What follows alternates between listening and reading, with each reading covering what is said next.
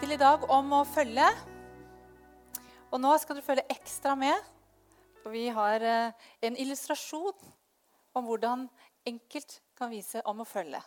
Der, ja. Der kommer Jesus. Og der kommer vi.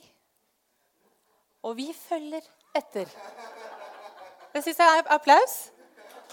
Kan det Det er oppsummert. Talen er oppsummert. Done deal. Det har gjort på to, minutter, to sekunder.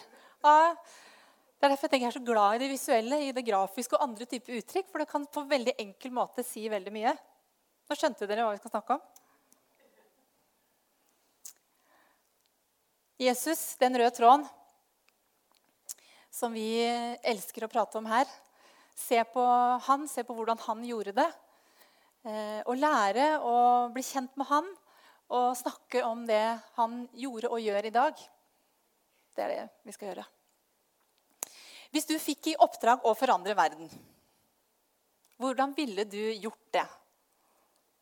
Altså, Du skal komme inn i historien, og det skal settes et skille før og etter, som det gjør med Kristus. Før og etter Kristus. En total forvandling, forvandling i vår historie. Hvis du skulle velge ut et lag på tolv stykker, hvem ville du valgt? Den som skulle lære av deg og følge deg. Hvordan ville du gjort det? Jeg tenker jo sjøl ja, jeg må tenke strategisk. Jeg tenker bredt. Skal vi ha en bredde i teamet eh, av gode folk som kan eh, male veien og motivere, inspirere mennesker? Eh, kanskje jeg skal velge noen som er gode med mennesker. Kanskje jeg må velge noen som er flinke med økonomi hvis vi skal ha store ting på gang. Eller jeg må velge noen ikke sant? Så kan begynne å tenke hva ville du valgt?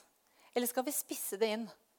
Her er det forandring. Hvordan er det vi kan, hvilke mennesker er det vi skal putte på det her? Jeg ville i hvert fall tenkt at skal vi ha store forandringer, så må jeg ha med meg noen som har vært med på det før. Som har erfaring og som kan vise til at de er gode på det. For vi vet jo at eh, vi vil forandring, men vi vil ikke alltid forandres. Så derfor trenger vi skikkelig dyktige mennesker på det. Sånn hadde jeg tenkt ut fra min menneskelige tankegang. Og Det er det som er så gøy å lese og studere hva Jesus gjør. For Jesus er jo ikke sånn. Han forandret verden.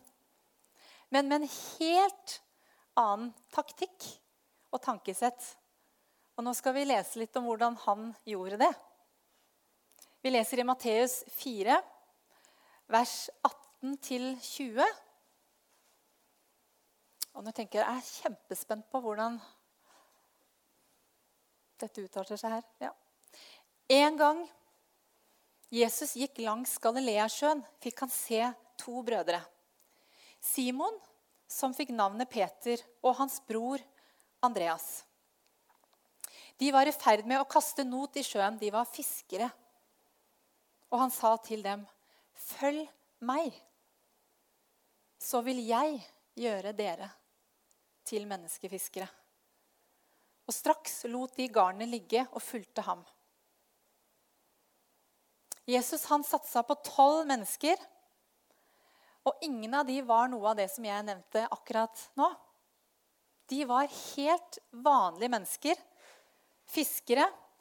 Og han inviterte de, særlig de tolv inn til å bli eh, disipler. Det er jo et ord som ikke noen har noe forhold til eller utenom oss. da. Men til å bli på godt norsk traineers. Altså lærlinger. Lære, være tett på, finne ut av hvordan han gjør det. Og etter hvert på en måte bli så influert av det at man sjøl blir en del av hvordan Bli med på det som han gjør.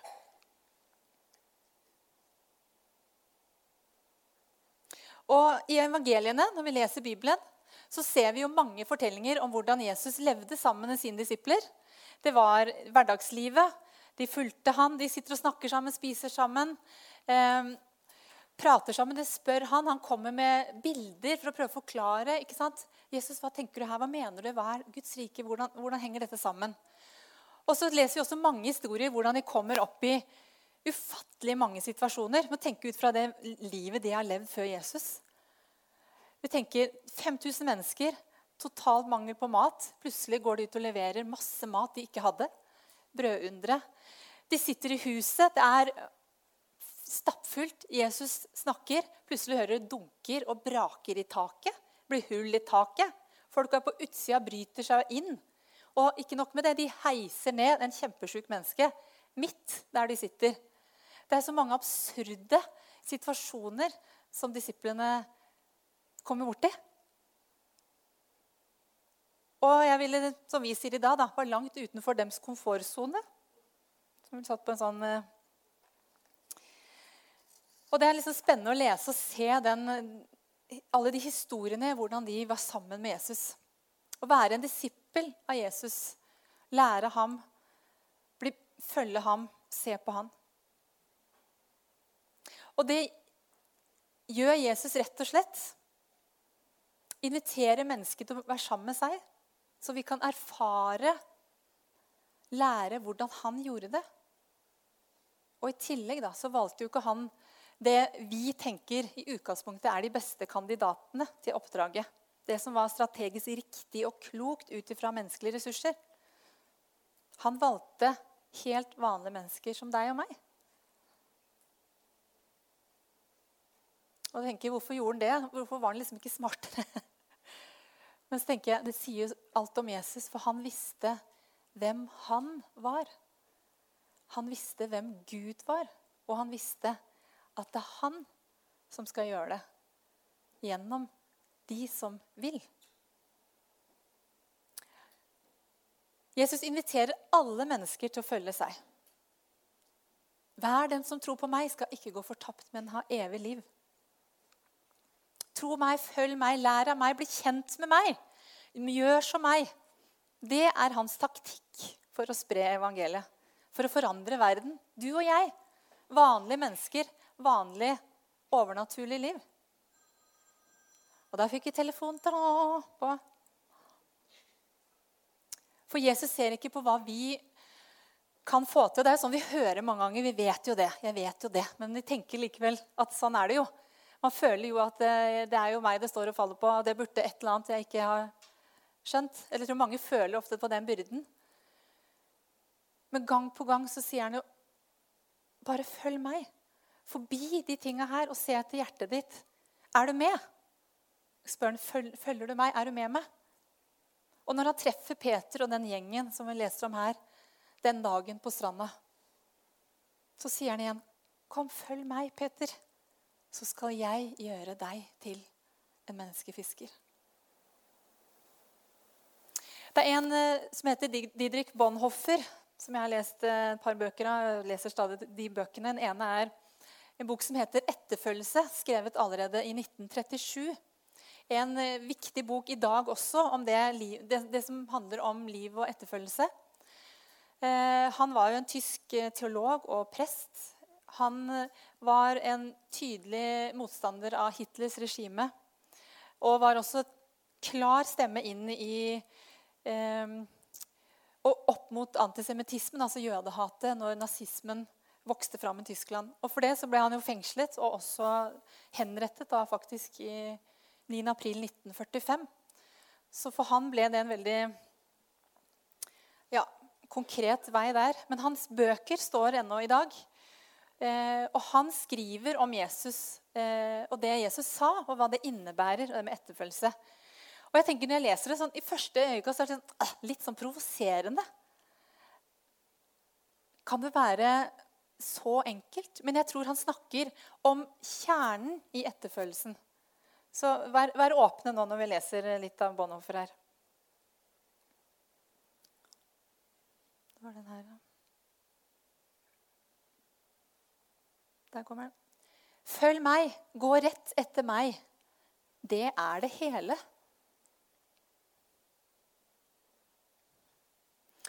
Å gå rett bak ham, det er ganske enkelt uten innhold. Det er i alle fall ikke noe livsprogram det kunne virke fornuftig å sette ut i livet. Ikke noe mål, ikke noen ideal å strekke seg etter. Og hva skjer? Den som blir kalt, forlater alt han har. Ikke for å gjøre noe spesielt verdifullt, men ganske enkelt av kallet. For ellers ville han ikke kunne følge Jesus.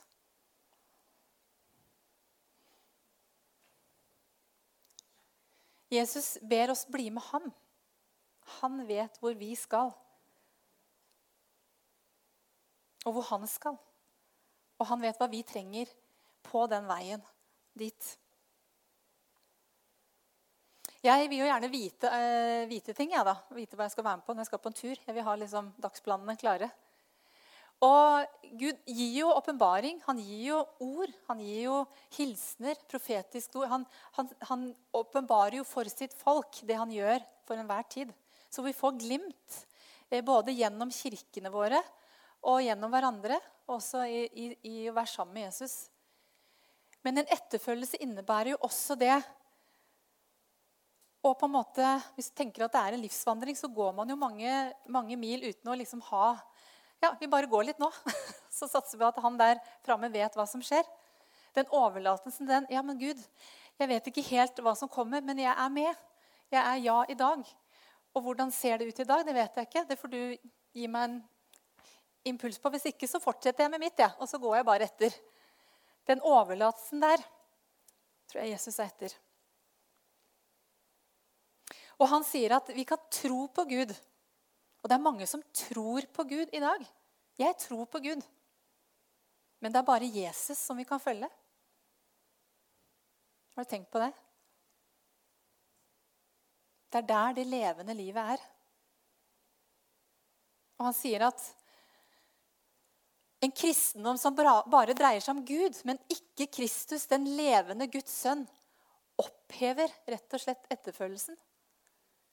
Man stoler og tror på Gud. Ja, det gjør vi. Men følger ikke etter. Guds sønn ble menneske. Han er mellommannen mellom Gud og oss. Derfor er etterfølgelse det rette forholdet til han, til Jesus. Det er spennende om vi går inn den døra der, da, dere. Og jeg tenker vi lever våre liv. Vi holder på med våre ting der vi er. På jobb, familie, de tingene. Og fram til Jesus kom den gangen også, så levde jo det som skulle bli hans disipler, Peter og den gjengen, de holdt jo på med sitt. Holdt på med garna sine, var fiskere. De var troende jøder, holdt loven, holdt skriftene, leste, eh, dro til synagogen. Gjorde det de eh, opplevde og visste var eh, utøvelse av sin tro. Fullt og helt. Inntil den dagen Jesus kommer. Og fram til da hadde tro sett sånn ut som Peter gjorde. De var hele troende, ikke sant? Men nå kommer Jesus, og nå kaller han Peter og de andre. Og da var ikke tro lenger det samme som å gjøre det de alltid hadde gjort. Å være der de alltid hadde vært. Nå fikk Peter et spørsmål. Eller det, vi ser det jo 'følg meg'. Det var jo ikke et spørsmål, det var jo en utfordring. Et kall. Følg meg. Og det er en sånn enkel setning, sånn, og så fulgte de alt. Tenker, vi skjønner jo Eller jeg tenker i hvert fall det er logisk. Det her er helt umulig for Peter å skulle se og skjønne hva det innebærer den dagen når han sa ja til Jesus og fulgte han. Og han kunne jo ikke noe, på noen måte bli det som vi vet i dag at han var kalt å bli, av seg sjøl. Men hva kunne Peter gjøre den dagen Jesus kom og si 'følg meg'? Det han kunne gjøre den dagen, det var å la garna ligge. Når Jesus spurte 'følg meg', så kunne han la garnet ligge og følge han. En konkret handling den dagen. Det han gjorde, det jeg drev med nå, det jeg driver med nå, det det du driver med nå Idet Jesus kommer inn der og sier, 'Hei, jeg har en liten annen tanke til deg.' Egentlig en stor en, men la oss begynne med det lille. La garnet ligge. Hvordan ser det garnet ut for dere? Det er, skjønner bildet. Det er det vi kan gjøre i etterfølgelsen av Jesus, sammen med Jesus. Så er det han som skal gjøre verket i det som han har kalt oss til. Vi bare gå på den daglige etterfølgelsen. Og Det var starten på det forholdet som Peter og Jesus hadde, og som vi da i dag vet førte til at han ble klippen. Vi kan lese det i Matteus 16, vers 18. Du er Peter, og på denne klippen vil jeg bygge min kirke. Det er jo helt vanvittig. En fisker langs sjøen, liksom. På deg vil jeg bygge min kirke. Og dødsrikets porter skal ikke få makt over den. Ja, det er et ord vi ikke vi fatter hva innebærer. Og skjønner at det har med Gud å gjøre, og ikke med Peter. Men hva er det som gjør at han likevel satser på Peter? Hva er det som gjør at Jesus satser på en vanlig mann? En fisker som vi, når vi leser i Bibelen, har en veldig hva skal jeg si, varierende mm, temperament. da. Veldig sånn helhjerta. Veldig sånn 'Jeg er med, Jesus! I'm all in!' Fram med sverdet, svinger til og holder på. Han han kommer bare til å stå til Dovre fall. Altså, jeg er med. Og så ser vi også at den engasjementet, den villigheten, den helhjertigheten ikke alltid samsvarte med hvordan det faktisk blei. Flere ganger. Noe vi alle tror jeg kjenner oss igjen i. Sånn er det jo. Vi vil jo så gjerne, og så blir det jo som det blir. Sånn var Peter også. Det visste Jesus. Men han så Peters hjerte og sitt ja og hans ja. Og jeg, Hvis vi leser det skal jeg også gjøre nå, en versene før dette her, så sier Jesus det her til Peter etter Peters bekjennelse av hvem han tror at Jesus er. De står i en samtale, disiplene og Jesus. Du hører bare ryktene går, og Jesus begynner å bli nysgjerrig. Dere, hvem er det de sier at jeg er? Har du hørt noe? Jeg lurer litt på Kunne du sagt noe?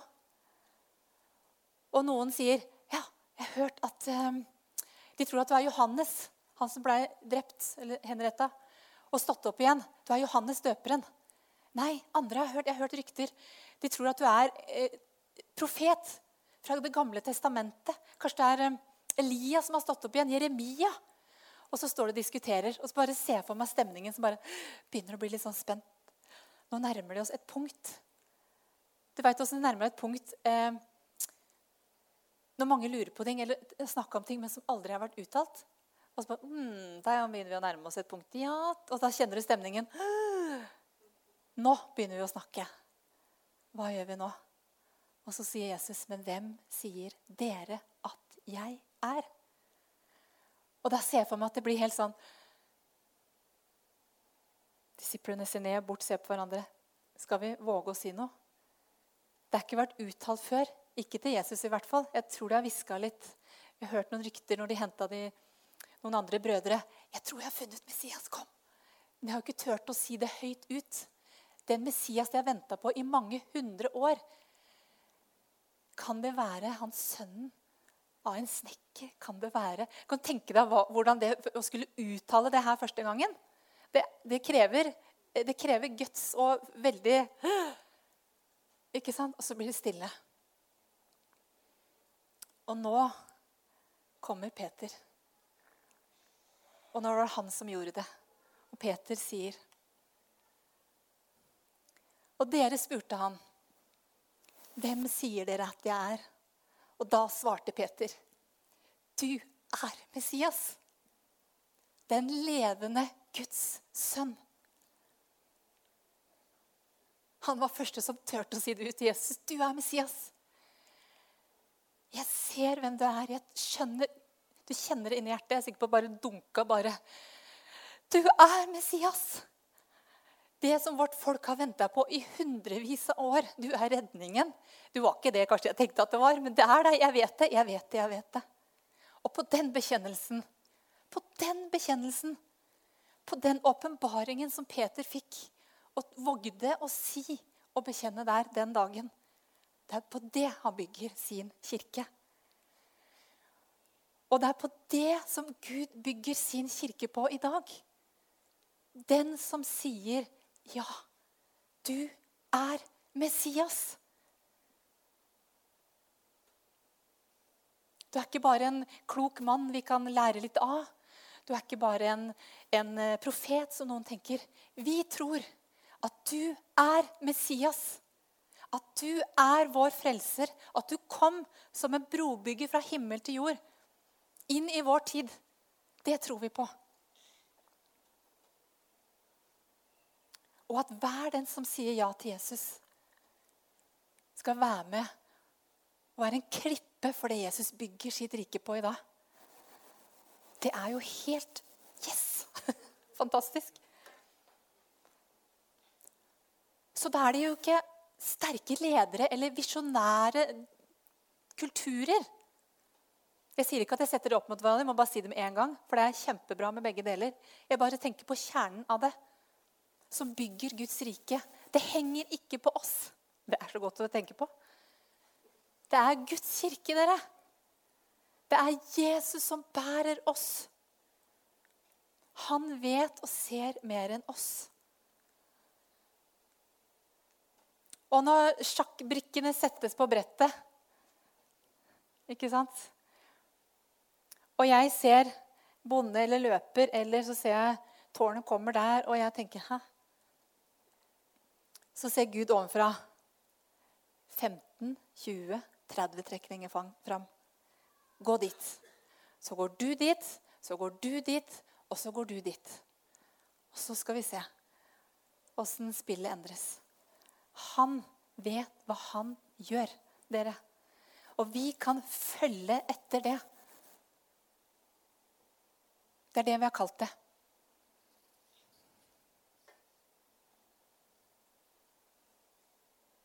Gud skal sørge for sitt rikes framgang, for hans rike. Også når det tilsynelatende ser ut som det ikke er sånn. Når jeg, tror, jeg tenker om det er troende eller ikke, så opplever man jo mange ganger at man kommer i situasjoner som er vanskelig, eller man kommer, møter seg sjøl. Det holder med det. Og ser det var ikke sånn som jeg tenkte at det var inni meg heller. Møter på nederlag. Og vi ser også når Jesus dør. Hvis vi går lenger fram, når Jesus dør rundt den historien der Tenk deg, Der står Peter og bekjent. Du er Messias, du er kongen, du er redningen. Og hva skjer? Han blir drept. Vi veit jo hva, hva, som skjedde etterpå, men tenk deg dem som står i dette her. Det her var ikke det jeg tenkte at det skulle bli. Det var ikke sånn jeg hadde sett for meg. Og kaoset bare kommer inn. Og disiplene forsvinner i alle retninger. De som han skal bygge sin kirke på. Og er plutselig fju, i alle retninger. Men Gud jobber på flere plan, dere. Med flere mennesker. Og ut av det kaoset som skjer der, så skal jeg bare lese noen glimt av mennesker som kommer fram og inn i historien. Knut Tveitereid har skrevet noen sånne korte glimt av hva som skjedde de tolv disiplene skrives ut av fortellingen én etter én. En fornekter, en forråder, en tviler. På dette tidspunktet flykter alle. Mens inn i historien kommer nye personer til. En bulkete gjeng disipler som tar over de sentrale rollene i fortellingen. Når Jesus drar opp til Jerusalem for siste gang, legger han veien om Betania slik som han pleide.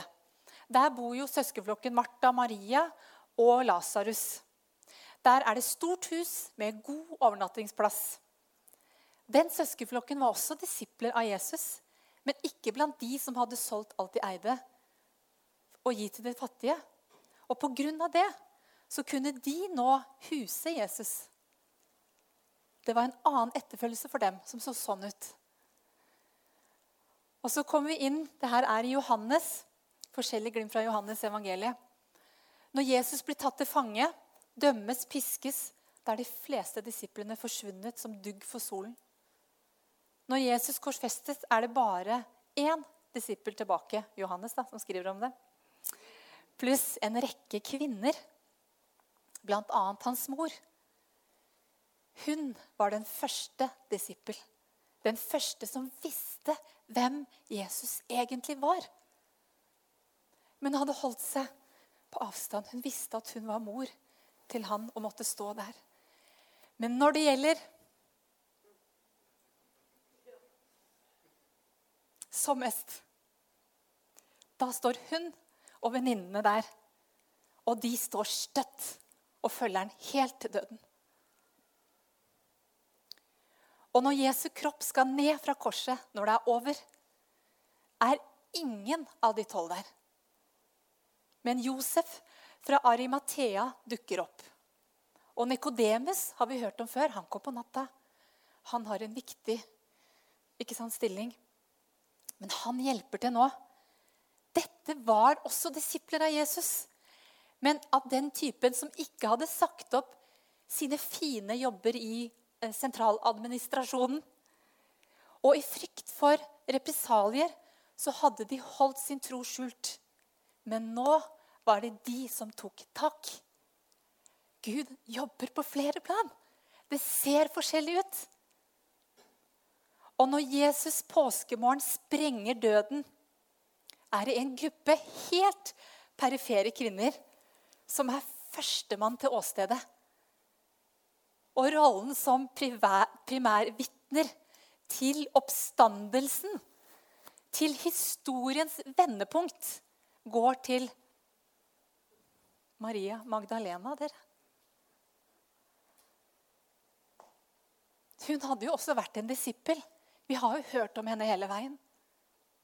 Men vi vet jo også at hennes rykte var so and so.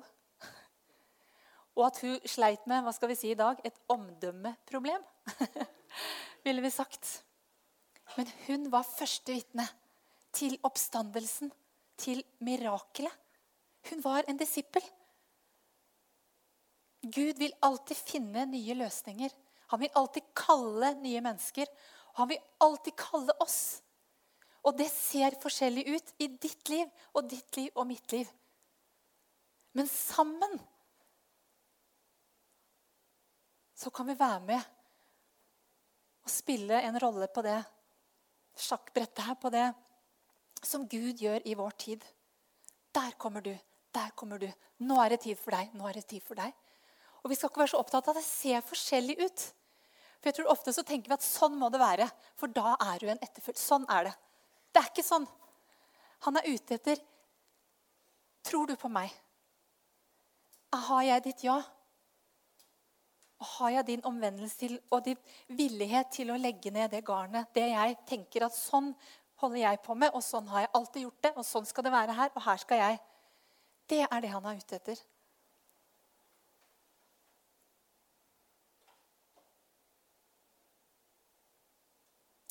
Selvfølgelig så kan han bruke våre ressurser.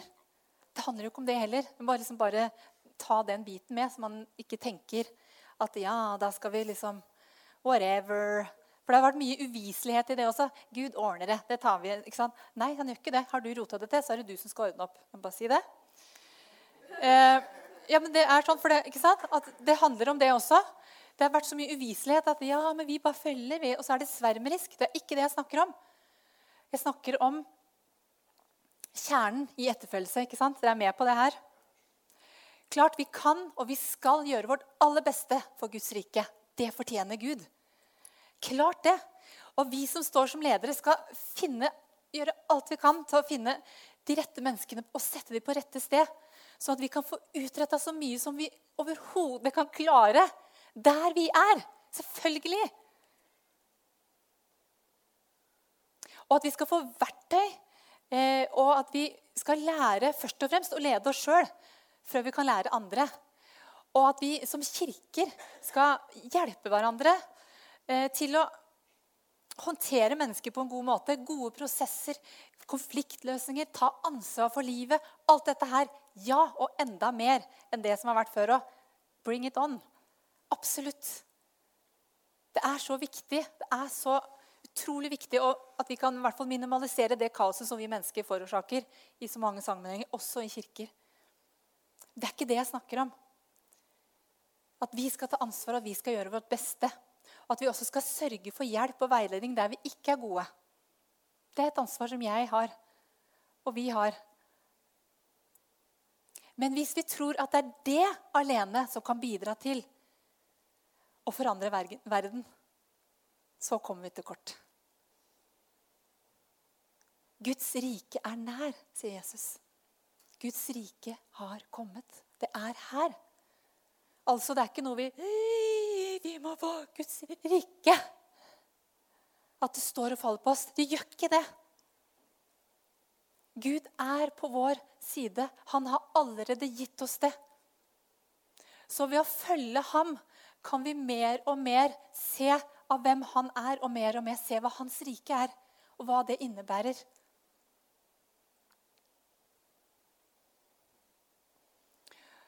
Mm. Så kan vi mer og mer bli lik ham. Lære ham å se hva han gjorde. Det er å følge. Å se og finne ut av hvem Jesus er. Hvordan han gjør det, hva han gjør i dag. Og når vi hører noe, som Peter gjorde den dagen Når vi hører noe, da kan jeg også gjøre noe. Hvis ikke, så hold på med garnet ditt. Vær fri. Da er du fullt og helt. 100 da er det her. Ikke sant? Men når du kjenner Det ser forskjellig ut. Kanskje et ord, et stikk. Å, jeg vet det. Det er noe som han kaller på å dra på da kan det gjøre noe. Da kommer du på valg. Og da ser den etterfølgelsen ut som noe som ser annerledes ut enn det gjorde fram til han kom og spurte. ikke sant? Det er å følge.